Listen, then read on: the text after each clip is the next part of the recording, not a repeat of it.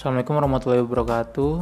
Selamat datang di podcast gua yang bernama Get the Door. Ya, di Get the Door ini gua bakal ngasih tahu kalian tips dan experience gua untuk belajar bahasa Inggris. Di mana kalian pasti kesulitan kan? Apalagi kita nggak boleh keluar untuk sekarang karena PSBB. Nah, untuk belajar bahasa Inggris, kalian itu minimal ya harus punya tiga step. Yang pertama itu kalian belajar dari aplikasi seperti kamus dan yang kedua itu sering-sering baca cerita yang menggunakan bahasa Inggris dan yang ketiga itu adalah sleep learning. Ya, belajar sambil tidur. Bingung kan? Iya, sama, bingung. Nah, di sini kita bakal bahas. Nah, yang pertama, aplikasi. Kalau aplikasi bahasa Inggris itu kalian itu harus punya tiga aplikasi bahasa Inggris yang fungsinya berbeda-beda. Yang pertama untuk menjelaskan, yang kedua untuk memperkaya kosakata, dan terakhir untuk mentranslate. Nah, tapi di sini gue bakal ngasih tahu kalian cukup dua aplikasi yang sangat berguna untuk belajar bahasa Inggris. Nah, aplikasi yang pertama yaitu dictionary.com. Nah, di dictionary.com ini dalam satu aplikasi dia punya dua mode.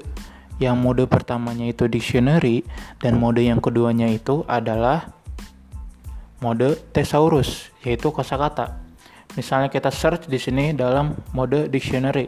Nah, kan langsung keluar penjelasan-penjelasannya di mode dictionary. Kalau kita geser ke modenya thesaurus, nah, wow banyak banget no kosakatanya no. Dari kata book doang, bayangkan. Nah, aplikasi ini juga sudah terbukti ya membantu banyak orang karena di sini sudah di-download lebih dari 10 juta orang di Play Store. Nah, untuk yang kedua, aplikasi kedua ini aplikasi Translate. Pasti kalian bosen kan sama aplikasi Translate yang gitu-gitu doang. Tapi di aplikasi yang bakal gue saranin ini, ini bakal lebih cakep lagi, lebih buat kalian betah, yaitu namanya Duolingo. Di Duolingo ini ya ini tuh aplikasi yang bahkan kalian bakal pakai walaupun kalian gak butuh. Biasa kan kalau aplikasi translate kan dipakainya pas lagi butuh doang kan tapi kalau ini enggak karena apa? Karena ini aplikasi translate yang dikemas dalam kebentuk game. Ya jadi di sini ada sistem poin ada sistem level dan sistem tahapan-tahapan lainnya yang di mana membuat kita menjadi lebih tertarik dan untuk pertama kali juga kalian pas buka aplikasi ini kalian akan diberi pilihan untuk waktu durasi Anda dalam belajar. Ya. Jadi di sini tuh dikasih opsi dari 8 menit sampai 15 menit ya kalau nggak salah. Nah, dan di sini juga kalian diberi pilihan kalian menggunakan aplikasi ini ini tuh untuk apa? Untuk untuk menambah pengetahuan, untuk belajar dan lain-lain. Nah, pokoknya aplikasi ini sangat recommended ya. Ini tuh jatuhnya seperti quiz aplikasinya tuh. Dan yang kedua itu sering-sering baca cerita yang pakai bahasa Inggris ya. Nah, terakhir gue baca cerita yang judulnya itu Jane Eyre. Ini cerita apa romance ya drama percintaan yang bagus banget. Jadi gue ceritain intinya aja ya. Jadi Jane Eyre ini uh, gadis yang sangat sengsara. Dia ditinggal orang tuanya waktu umur 10 tahun dan diasuh oleh bibinya. Yang ke yang bibinya itu juga kejam juga ya. Kejam kepada Jane Eyre dan sepupunya sepupunya juga lalu si Jane Eyre ini dipindahkan ke sekolah Lowood School ya ke sekolah keputrian.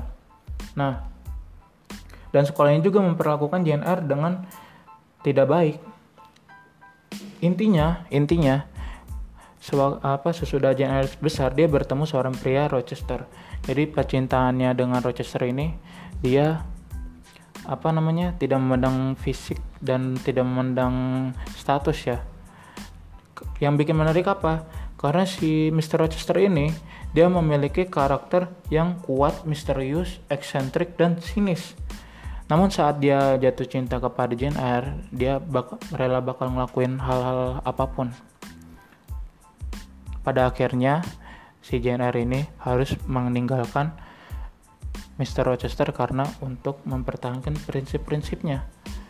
Nah, yang terakhir, sleep learning. Bingung? Iya, bingung. Kenapa kok sleep learning? Tidur sambil belajar. Ternyata, kalau kita mendengarkan sesuatu, itu akan teringat dalam memori kita pada saat bangun nanti. Nah,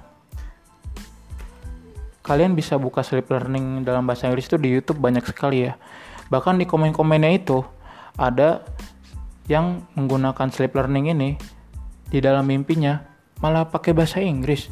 Jadi dia mimpi pakai bahasa Inggris. Bingung kan? Iya sama bingung. Tadi gue juga sempat nyobain ya dan belum terbukti sih. Nah, itu aja sih tips dari gue untuk belajar bahasa Inggris. Jadi ingat yang pertama itu adalah download aplikasi dictionary.com dan Duolingo. Yang kedua itu memperbanyak membaca cerita yang dalam bahasa Inggris dan yang ketiga, yang ketiga itu menggunakan metode sleep learning yang terbukti jitu. Ya, sekian podcast dari gue. Terima kasih semuanya mendengar podcast kali ini dan salam kenal untuk semuanya. Bye bye.